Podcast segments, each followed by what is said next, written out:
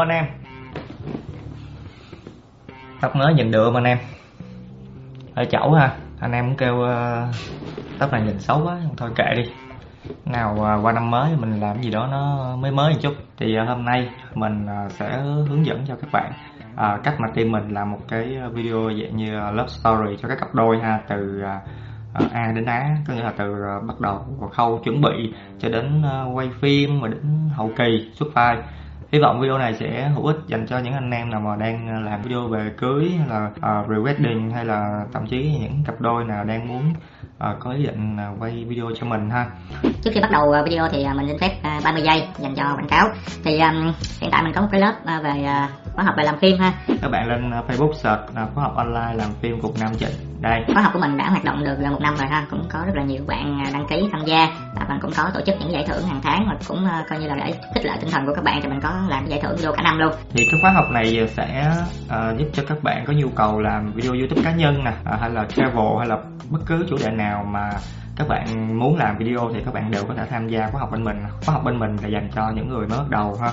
À, từ bước à, lên ý tưởng đến quay phim đến dựng phim thậm chí là các mẹo để các bạn à, à, sale trên youtube nữa. Thì à, đường link khóa học mình để dưới phần mô tả ha. Rồi bây giờ vào nội dung chính của video thôi. À, trước khi mà các bạn muốn làm một cái video nào đó thì các bạn cần một cái kịch bản hoặc là cái nội dung nào đó thì ở đây là mình sẽ nói chuyện với à, nhân vật của mình. À, mình sẽ gửi cho bạn họ những cái câu hỏi để mình khai thác thêm à, những cái câu chuyện của họ xảy ra à, từ bắt đầu từ khi nào rồi họ quen nhau ra làm sao có gì khó khăn có cái cái gì rào cản gì không rồi và dự định tiếp theo của họ trong tương lai là như thế nào. Đây là cũng giai đoạn rất là tốt các bạn hiểu hơn về câu chuyện của nhân vật và mình cảm thấy đồng cảm hơn với họ. Và mình sẽ có những cái chuẩn bị về mặt à, hình ảnh như thế nào đó để ứng với những cái nội dung mà họ đã trả lời cho mình. Và sau khi đã có phần nội dung rồi thì bắt đầu mình mới tìm bối cảnh ha. Thì cái việc tìm bối cảnh này là diễn ra trước đó ha. Thì mình có làm video về tìm bối cảnh ở trên uh, video này ha, các bạn nhấn vào đây xem. Thì các cặp đôi sẽ gửi cho mình một số cái hình ảnh về những cái bộ trang phục mà họ dự định sẽ mặc thì mình với các cặp đôi sẽ trao đổi để tìm ra những cái uh, bộ quần áo nào đó nó phù hợp với bối cảnh và cái nội dung của câu chuyện. À, tiếp theo là về những trang thiết bị mình dùng để quay phim. Thì uh, với máy quay thì mình sử dụng uh, Sony A73 là lens uh, Sigma 24 f 1.4 và một uh, lens zoom à, có cái tiêu giải tiêu cự là từ 28 đến 75 và khẩu độ là f2.8 à, ờ, gimbal thì mình sử dụng uh, gimbal là Ronin S2 Flycam cái hát sáng ha. Rồi mình sẽ nói kỹ hơn về những thiết bị mình đang dùng ha. Thì với ờ, cái body là Sony A73 thì đây là con máy full frame huyền thoại của Sony rồi ha. Hầu như là nó nổi tiếng khắp mọi mặt trận luôn. À, có thể quay được 4K à, 24 frame và Full HD ở 120 frame luôn. Rồi, rồi lấy nét nó cả mọi thứ là nó đều ok hết mà nó quay được Adblock 3 nữa ha. À, nên là những cái chức năng của nó thì anh em cũng có thể search rất là nhiều và bản thân à, mình và Tuấn cũng có làm một cái video nói về cái review con Sony A73 này rồi. Với lens Sigma 24 f1.4 thì ưu điểm của con lens fit này là cho chất lượng hình ảnh rất là tốt. Kèm theo đó là cái ờ, tiêu cự 24 thì nó cho mình được cái vùng nhìn nó rộng hơn. Đặc biệt là khi anh em muốn quay những cảnh toàn rất là epic này nọ thì con lens này rất là hợp. Mà anh em sử dụng khẩu 1.4 ha, thì ờ, nó sẽ giúp cho anh em quay ở môi trường thiếu sáng rất là tốt. Khi mà anh em sử dụng ờ, tiêu cự 24 này dành cho những cái cảnh cận á, thì nó tạo ra một cái vùng độ sâu trường ảnh vùng đó nó khá là biến ảo ha. Khi mà sử dụng tiêu cự 24 này cho những cái cảnh cảnh chung hay đặc biệt là cảnh cận á, thì nó cho mình được cái vùng nhìn nó nó rất là thúc của mình đặc biệt là những nhân vật nào mà đặt ở trung tâm hay là những cái chủ thể đặt ở trung tâm mình rất là thích cái cái phối cảnh của nó đặc biệt là khi mình quay cái hậu cảnh phía sau nó có rác nhiều thì cái khẩu 1.4 nó cũng giúp mình à, loại bỏ những cái cái khuyết điểm trong cái khung hình của mình. Ngoài ra thì khi mà cái bạn mở khẩu lớn thì nó cũng sẽ tạo ra những cái bokeh à, rất là đẹp ha. Với lens Tamron 28 75 khẩu 2.8 thì à, với cái giải tiêu cự linh hoạt như vậy thì mình có thể à, uh, rất là cơ động khi mà quay phim ha. Rồi ngoài ra mà mình thích sử dụng những cái tiêu cự đó dành cho những cảnh cận hoặc là cảnh đặc tả để mình loại bỏ những cái hậu cảnh không mong muốn ở phía sau để mà cho cái chủ thể hoặc cái nhân vật của mình nó nó nó nổi hơn. Cái tiêu cự mà nó linh hoạt như vậy thì giúp mình dễ dàng thay đổi và dễ dàng có những cái góc máy linh động mà không cần nhất thiết là mình phải à, đi di chuyển tới hoặc là di chuyển ra xa so với cái cái cái cái phạm vi của nhân vật ngoài ra, mình thích ở cái lens zoom này nữa là mình có thể đứng từ rất là xa để mình quay những cái cảnh cận hoặc là những cái mình có thể bắt được những cảm xúc. Mà khi mà nếu như mà mình đứng gần thì nhân vật của mình có thể bị sao nhãn hoặc là họ rất là ngại. Và khi nhân vật cảm thấy thoải mái để thể hiện trước ống kính rồi, thì lúc đó thì những cái đoạn phim mình quay thì nó sẽ có cảm xúc hơn rất là nhiều. Vậy là với hai lens như vậy thì mình đã có thể ờ, làm tốt được cái phần quay phim của mình thì ờ, đối với mình thì ờ, gimbal thì mục đích chính của nó là làm cho cái video của bạn nó không bị rung lắc khi di chuyển ha. Thì ờ, từ đó là có những cái thước phim rất là mượt mà, cảnh quay nó cũng đa dạng hơn, nó cũng có những cái chuyển động nó sinh động hơn.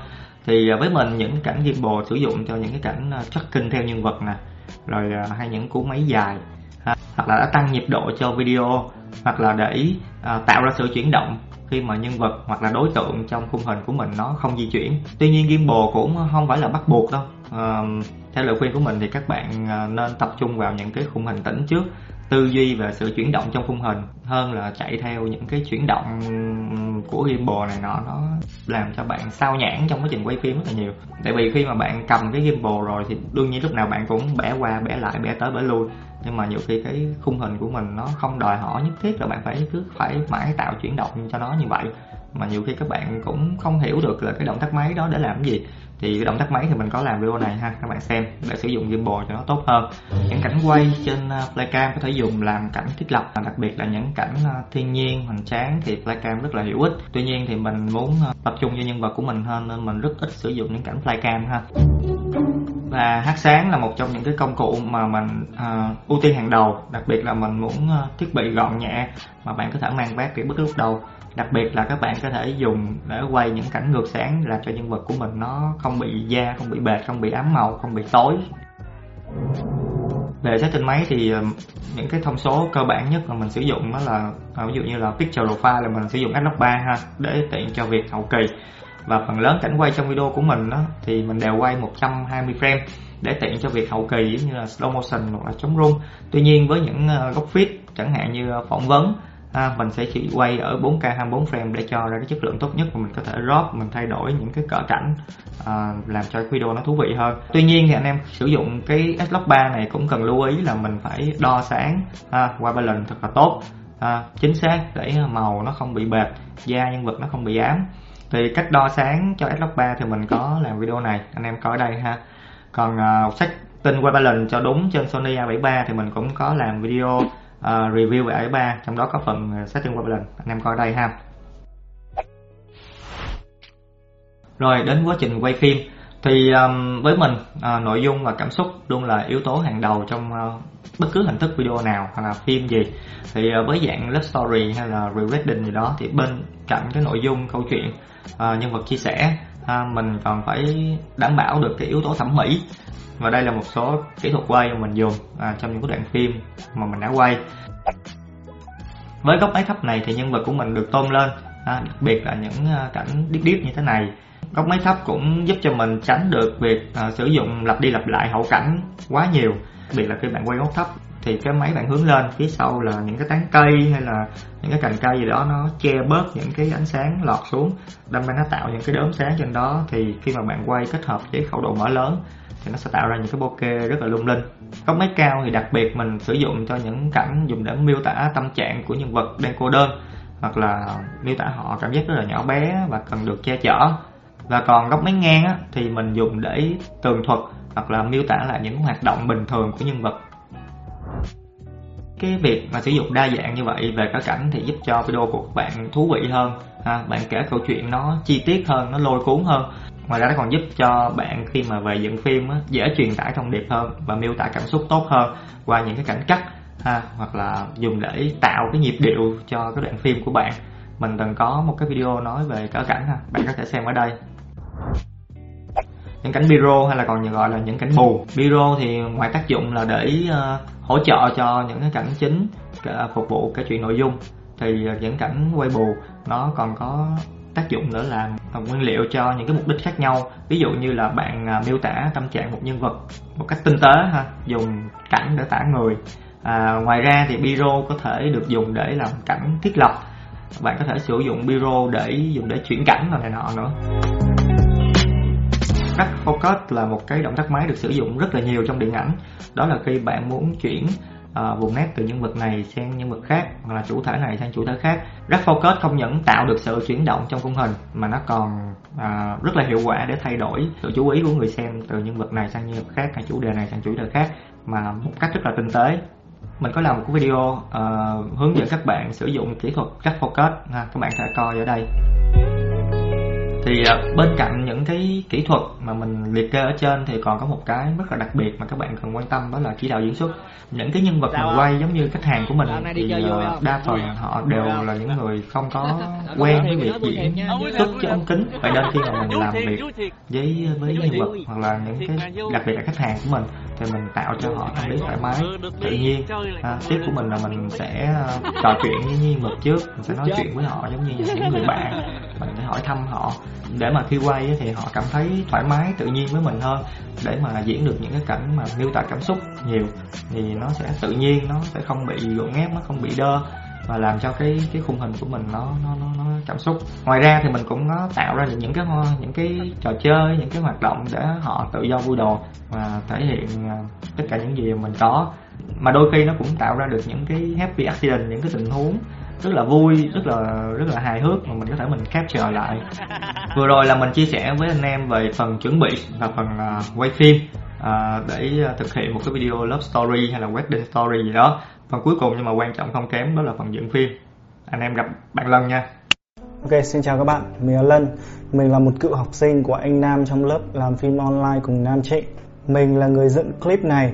Chính vì vậy, mình sẽ cùng các bạn break down nó ra để xem cái quy trình mình dựng nó như nào nhé. Với một cái câu chuyện tình yêu thì điều quan trọng không phải là những cái hiệu ứng bắt mắt Mà làm sao để bạn có thể kể câu chuyện của nhân vật một cách nổi bật nhất và cảm xúc nhất thì mình thường chia ra làm các giai đoạn khác nhau lọc suộc làm việc với ờ, hình ảnh làm việc với âm thanh và làm việc với màu sắc. Thì bây giờ chúng ta cùng tiến hành nhé. Về phần lọc suộc thì đơn giản là mình xem lại những cái suộc mà à, anh Nam đã quay và chọn ra những cái cảnh ưng ý cắt bỏ những cái phần thừa. Thì đây là cái timeline final nơi mà anh Nam add nút màu và export cái video ra để up lên YouTube cho các bạn coi á. Đây là timeline làm việc chính và là timeline làm việc cuối cùng, cái version cuối cùng đấy.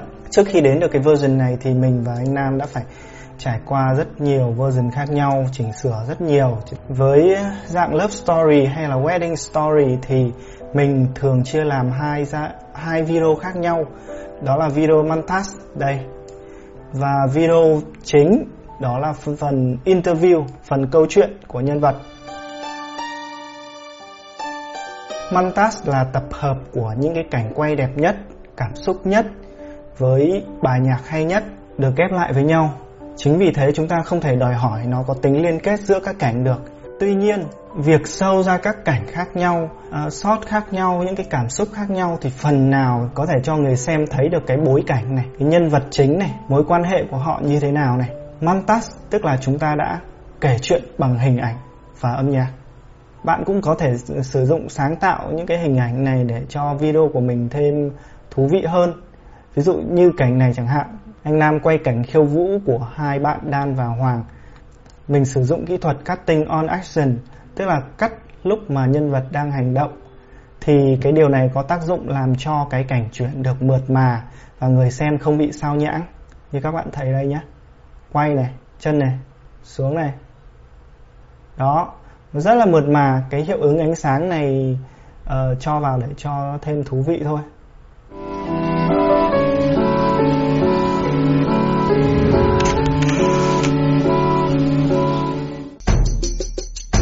Phần interview là nơi mà nhân vật kể cái câu chuyện tình yêu của họ. Như ở đây anh Nam đã phỏng vấn nhân vật một cái shot dài thì nhiệm vụ đầu tiên của mình khi xử lý cái phần interview này đó chính là cắt ra những cái phần nói, những cái câu nói của nhân vật để rồi ghép lại, tạo thành một cái nội dung thống nhất từ mở đầu phát triển cho đến kết thúc. Đây là cái phần mở đầu này, đây là cái phần à, phát triển này, khó khăn này, và cái đây là phần kết thúc. Với cái ba phần đó thì câu chuyện nào cũng sẽ giống nhau thôi. Quan trọng là cách kể của các bạn làm sao để cho sáng tạo, hấp dẫn và trung thực nhất bám sát nhất với câu chuyện mà nhân vật kể Vợ mình quen nhau ngày 15 tháng 1 năm 2018. Đợt đấy là mùa hè năm 2019. Linh Đan là có một cái sự lựa chọn giữa việc là ở lại trường. Trước hết thì hai đứa cũng cố gắng ở bên nhau nhiều hơn và giúp đỡ nhau. Sau khi đã có một cái nội dung được fix rồi, tương đối hoàn chỉnh thì mình sẽ tiến hành ép các cảnh B-roll vào để minh họa cho lời nói của nhân vật. Quãng đường mà Ví dụ trong cảnh này, Đan kể về việc Hoàng thường xuyên lái xe tới thăm cô ấy, dù ở cách xa nhau. Mình theo đó chèn cảnh Hoàng lái xe vào để minh họa, thay vì giữ hình ảnh hai người ngồi tuần nào thì anh cũng lái xe qua.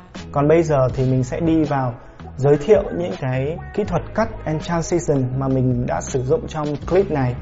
Đây hầu hết đều là những cái kỹ thuật đơn giản, cơ bản mà anh Nam đã giới thiệu trên kênh trước đó. Tuy nhiên, khi mà bạn vận dụng tư duy và sử dụng được nó một cách thuần thục thì video trở nên rất là thú vị.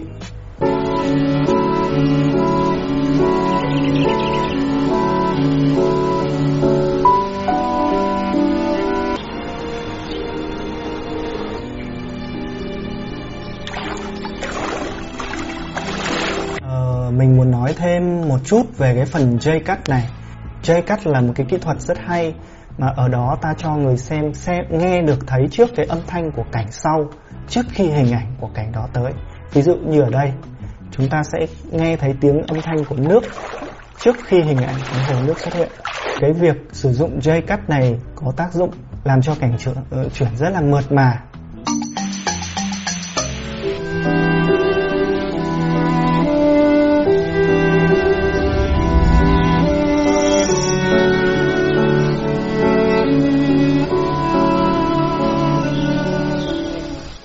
một phần vô cùng vô cùng quan trọng và quyết định video của bạn có trở nên xịn hơn đó chính là âm thanh.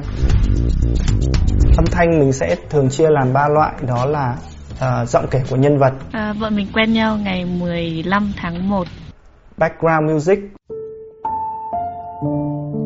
và sound effect. Quá trình làm việc với giọng kể nhân vật thường sẽ gắn liền luôn với cái giai đoạn bạn cắt ghép phần interview rồi vì thế mình sẽ không đề cập thêm. Trong quá trình xây dựng thì phần nào các bạn đã hiểu được cái nội dung cái mút, cái câu chuyện của nhân vật rồi thì lúc đó cũng là lúc mà bạn tìm ờ, bài nhạc phù hợp cho cái câu chuyện của mình cũng như cho cái phần montage để nói về phần câu chuyện đó là phần interview.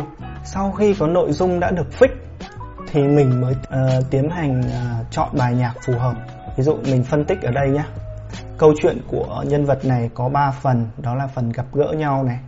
Hai nhân vật kể về tình yêu của họ, gặp gỡ nhau như thế nào, yêu nhau ra làm sao, thì mình chọn một bài nhạc nhẹ nhàng, không nhiều kịch tính cho cái đoạn này, và nó rất là dính nhau. Đến phần thứ hai, khi mà nhân vật kể về những khó khăn trong tình yêu, những cái xa cách nhau, thì mình chọn một cái bài nhạc nó buồn, nó réo rắt hơn. Đó.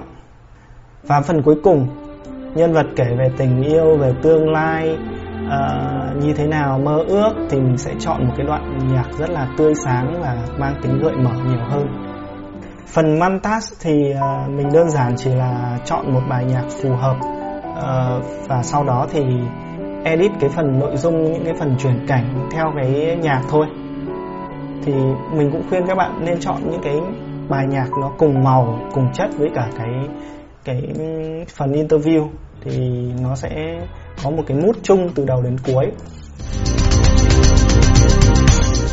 Trong video này thì mình chỉ đơn giản sử dụng uh, những cái âm thanh môi trường và âm thanh mô phỏng hành động của nhân vật nhưng nó cũng đủ để cho người xem cảm giác được cái sự chân thực và cái sự sinh động của video mình. A prominent day. Firstly, ladies and gentlemen, we would like to tell you.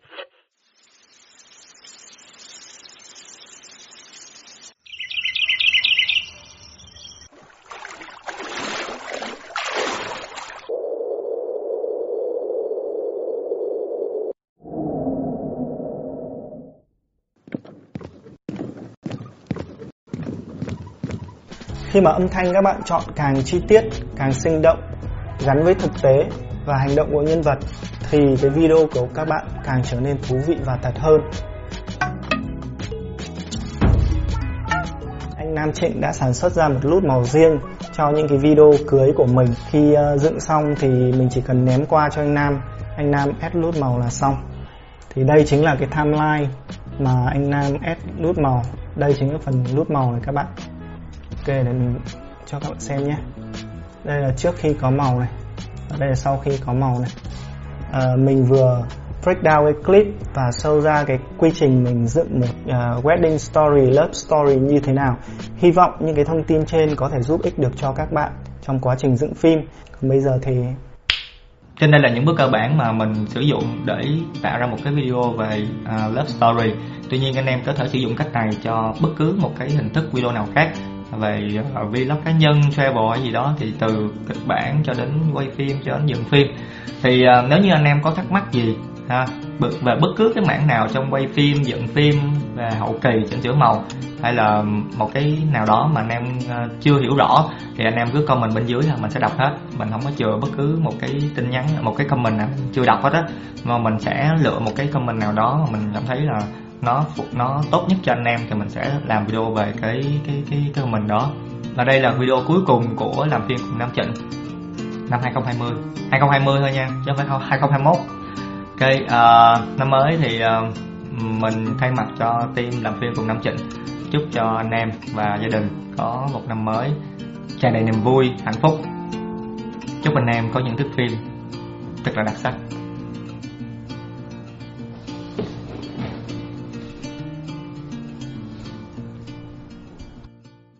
Ở trong cái thiết kế thực tế thì ờ, thầy thấy rằng là có rất nhiều bạn chúng ta rất giỏi về mặt công cụ nhưng mà khi ờ, nói đến những cái phần thiết kế thì thực sự là các bạn đang bị thiếu những cái điều rất là cơ bản.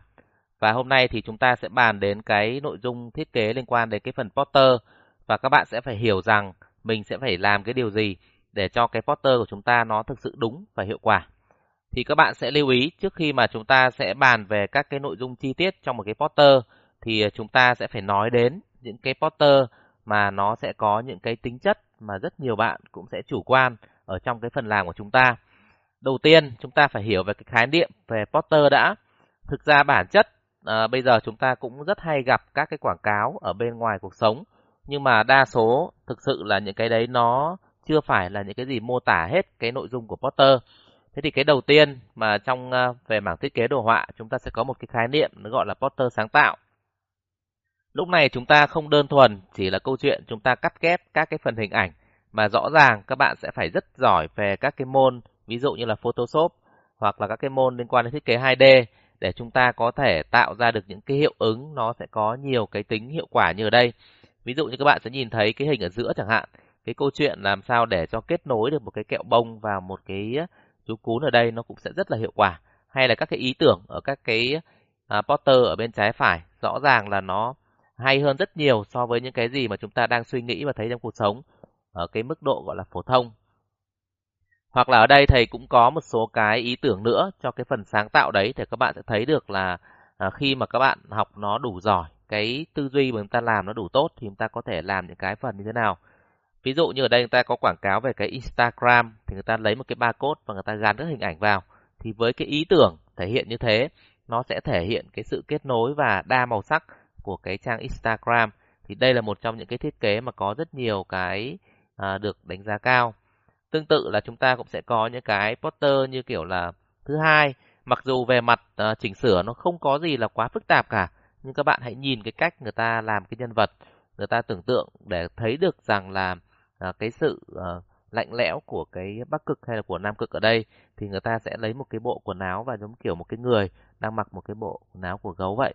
Và ở đây thì nó sẽ nói đến được cái sự mạnh mẽ của cái dòng xe Land Rover, cái đẳng cấp của cái dòng xe này. Ở cái thứ ba thì rõ ràng là các bạn sẽ nhìn thấy là nó sẽ vượt qua cái tư duy thiết kế Photoshop thông thường các bạn. Tất cả các hình ảnh nó đều được bóp méo, nó làm cong. Thì bản chất nếu như mà học nâng cao lên thì chúng ta đều có thể làm được cái phần này nhé. Thì các bạn sẽ chú ý là thầy vừa mới giới thiệu cho các bạn xong những cái nội dung liên quan đến một cái lĩnh vực thiết kế poster ở cái mức sáng tạo. Thậm chí nó còn nhiều cái cao siêu hơn nữa. Thì cái này thì các bạn cũng có thể biết qua. Nhưng mà thực tế thì ở Việt Nam, đa số chúng ta bây giờ, đặc biệt là các bạn liên quan đến cái ngành về quảng cáo truyền thông, thì chúng ta cũng đang chỉ ở một cái ngưỡng, nó gọi là Potter ở cái mức phổ thông thôi. Ở cái mức phổ thông nữa là như thế nào? Đấy là chúng ta sẽ cố gắng truyền tải nhanh nhất các cái thông điệp mà thương hiệu có đến với khách hàng. Ví dụ như à, cái poster đầu tiên liên quan đến du lịch các bạn sẽ nhìn thấy là nó sẽ có những cái hình ảnh rất là bắt mắt về cái à, du lịch biển. Xong rồi thì nó sẽ có những cái thông tin về giảm giá, rồi thì các cái thông tin về vé hoặc là địa điểm đến, thậm chí là có số điện thoại hay là các cái thông tin liên hệ.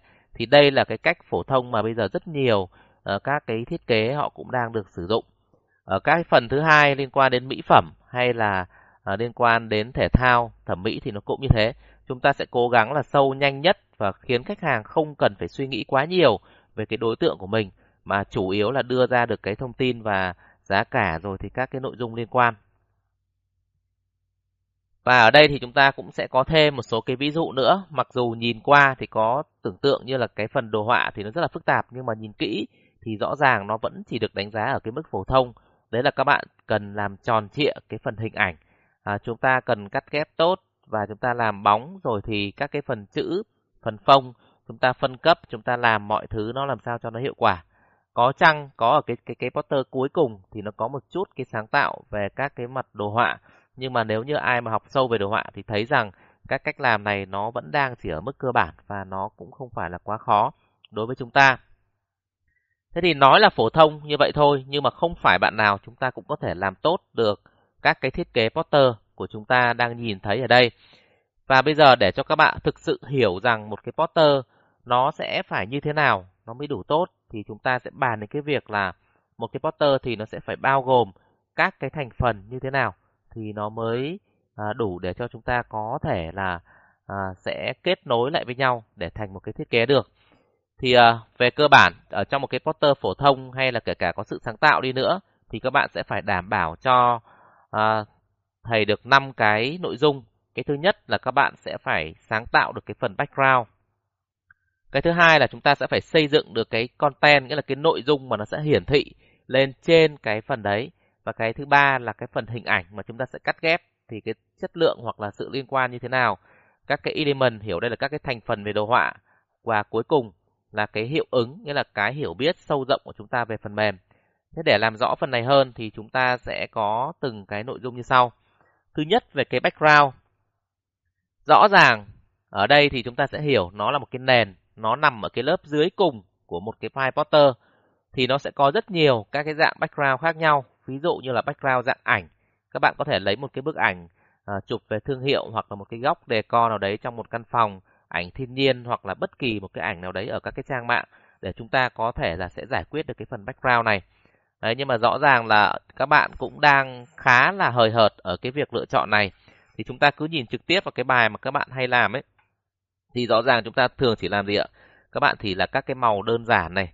Hoặc là chúng ta có chọn hình ảnh đi nữa. Thì các hình ảnh nó cũng khá là dối. Và hình ảnh nó không thực sự đẹp để làm uh, cái thiết kế đấy. Hoặc là nếu mà nói xa hơn đến những cái dạng background mà nó có cái kiểu đồ họa hay là các cái lớp lang nó đè như này thì bản thân các bạn sẽ không biết nó làm như thế nào cả thì các bạn sẽ yên tâm.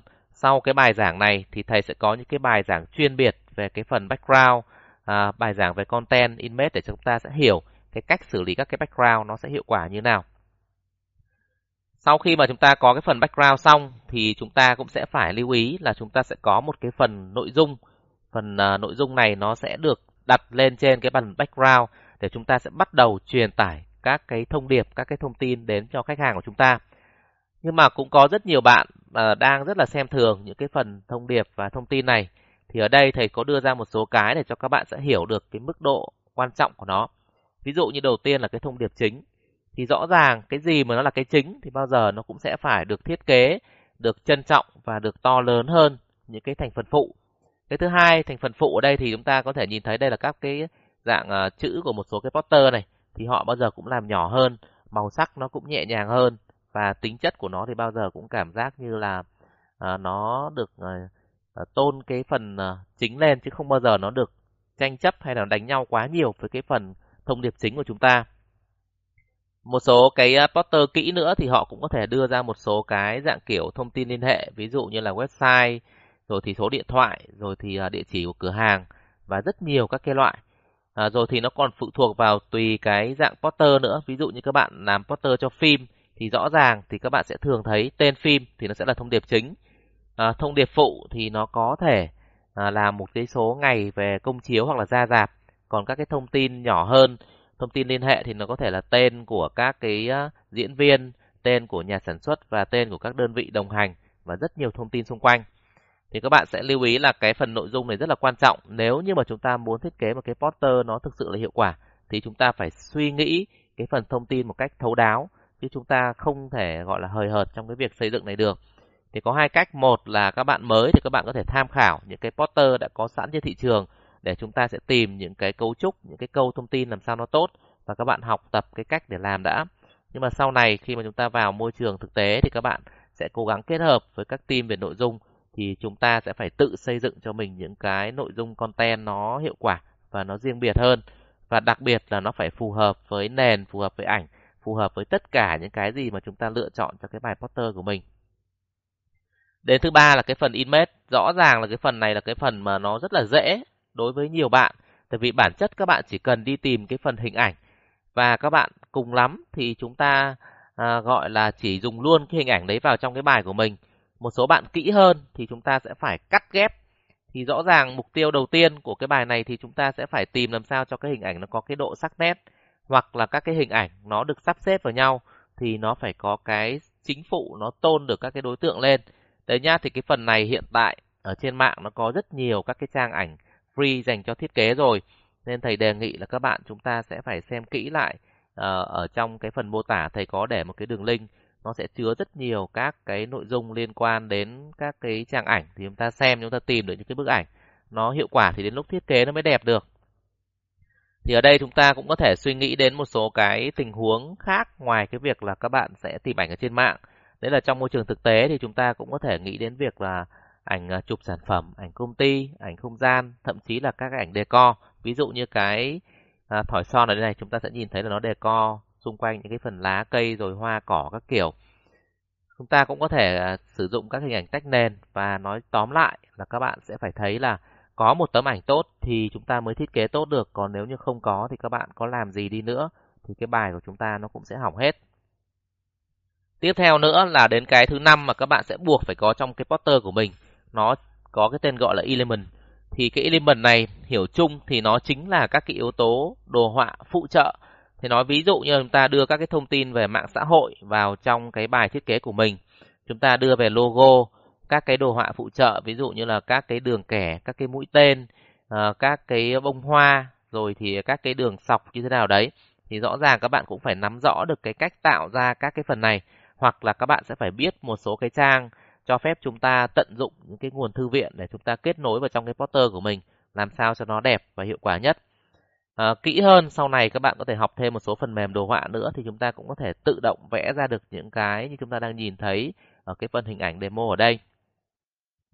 Và cái cuối thì ờ, chúng ta sẽ còn thêm một cái nội dung nữa mà thầy thấy là rất nhiều các bạn chúng ta bỏ sót trong cái quá trình làm việc về poster. Đấy là các bạn chỉ gọi là cho ảnh, cho chữ vào thôi nhưng mà nếu như thế không ấy, thì các poster nó không được gọi là một cái thiết kế hoàn thiện, mà các bạn sẽ cố gắng học thêm những cái chiều sâu hơn về phần mềm để chúng ta sẽ bắt đầu giải quyết được những cái câu chuyện. Ví dụ như đây, các bạn sẽ nhìn thấy cái phần chữ chẳng hạn thì câu chuyện đơn thuần nó không phải chỉ viết chữ ra mà chúng ta phải học cái cách xử lý nó làm sao để ra được những cái hiệu ứng chữ như chúng ta nhìn thấy ở đây. Nó có 3D, nó có các cái lớp chốc bao bên ngoài, rồi thì nó có cái phần màu sắc, rồi thì bóng đổ, rất nhiều các cái hiệu ứng. À, hiện tại thì uh, các cái chữ này thì uh, chúng ta có thể là học sâu để chúng ta biết cách làm. Nhưng mà nếu như một số bạn lười hơn thì các cái thư viện đồ họa cho dạng chữ này nó cũng có rất nhiều ở trên mạng thì các bạn cũng có thể uh, tìm hiểu và các bạn ứng dụng vào trong cái bài của mình. Nhưng điều quan trọng là nó phải hợp lý. Ngoài ra chúng ta không phải chỉ là hiệu ứng cho chữ không mà chúng ta còn hiệu ứng cho ảnh, hiệu ứng cho nền, ví dụ như là hiệu ứng về ánh sáng này, làm mờ, tạo bóng. Đấy thì có rất nhiều các cái phần hiệu ứng mà các bạn nếu như mà không áp dụng được thì cái bài nó sẽ không hoàn thiện nhá. Thì à, để cho chúng ta sẽ hiểu rõ hơn về cái phần này thì à, thầy sẽ có một số cái phần poster mà thầy cũng tải trên mạng thôi để cho các bạn sẽ thấy được là à, cái nội dung của các cái poster ở đây thì họ cũng xây dựng trên cái cấu trúc kiểu như thế. Ví dụ như đầu tiên chúng ta sẽ có cái poster này. Thì à, chúng ta cũng thấy này, họ thứ nhất là về cách làm thì à, chúng ta sẽ xây dựng các cái group để chúng ta sẽ chứa các cái đối tượng đồ họa theo đúng những cái gì mà chúng ta làm việc. Thì cứ từ đầu tiên chúng ta xử lý trước, ví dụ như ngay từ cái phần ảnh. Chúng ta xem cái phần ảnh này là một cái đối tượng uh, thay luôn cho cả phần background đi, tại vì lúc này là cái ảnh người chụp trong cái studio nó khá tốt rồi. Thế thì ở đây chúng ta sẽ tìm được một bức ảnh đẹp như thế này.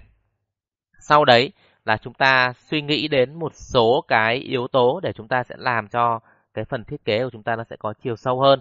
Thì lúc này chúng ta sẽ có thể làm những cái kiểu như các bạn có thể học hỏi ở đây. Ví dụ chúng ta viết ra một số cái phần chữ cái, xong rồi chúng ta dùng cái kỹ thuật cắt ghép, chúng ta để những cái phần chữ nó đan xen vào trong cái người như này thì các bạn sẽ thấy là cái bức ảnh này cảm giác bắt đầu đã có cái chiều sâu hơn rất là nhiều. Hoặc là bản thân các bạn cũng có thể cắt ghép những cái bông hoa ở một cái file ờ, ảnh khác, chúng ta để vào, chúng ta xoay nó thành nhiều chiều.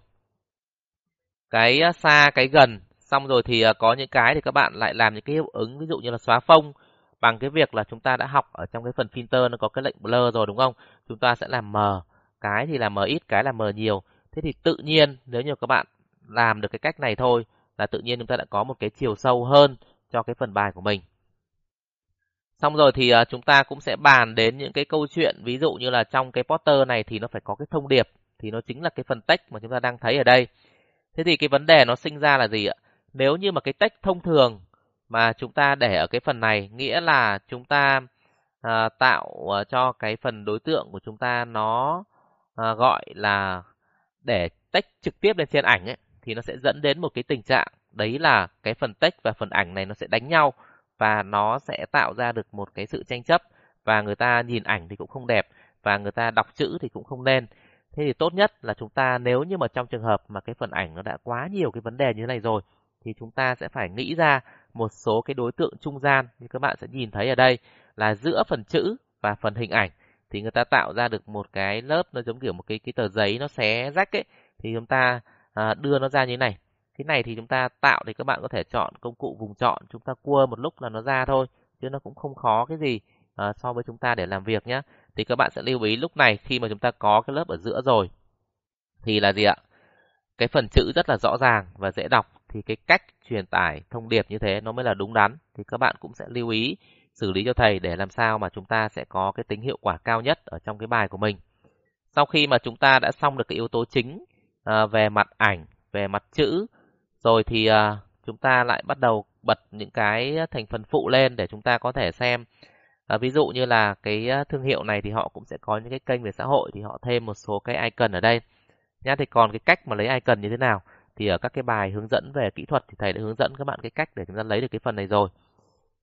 À, chúng ta sẽ có phần logo chúng ta đặt để vào là chúng ta sẽ xong.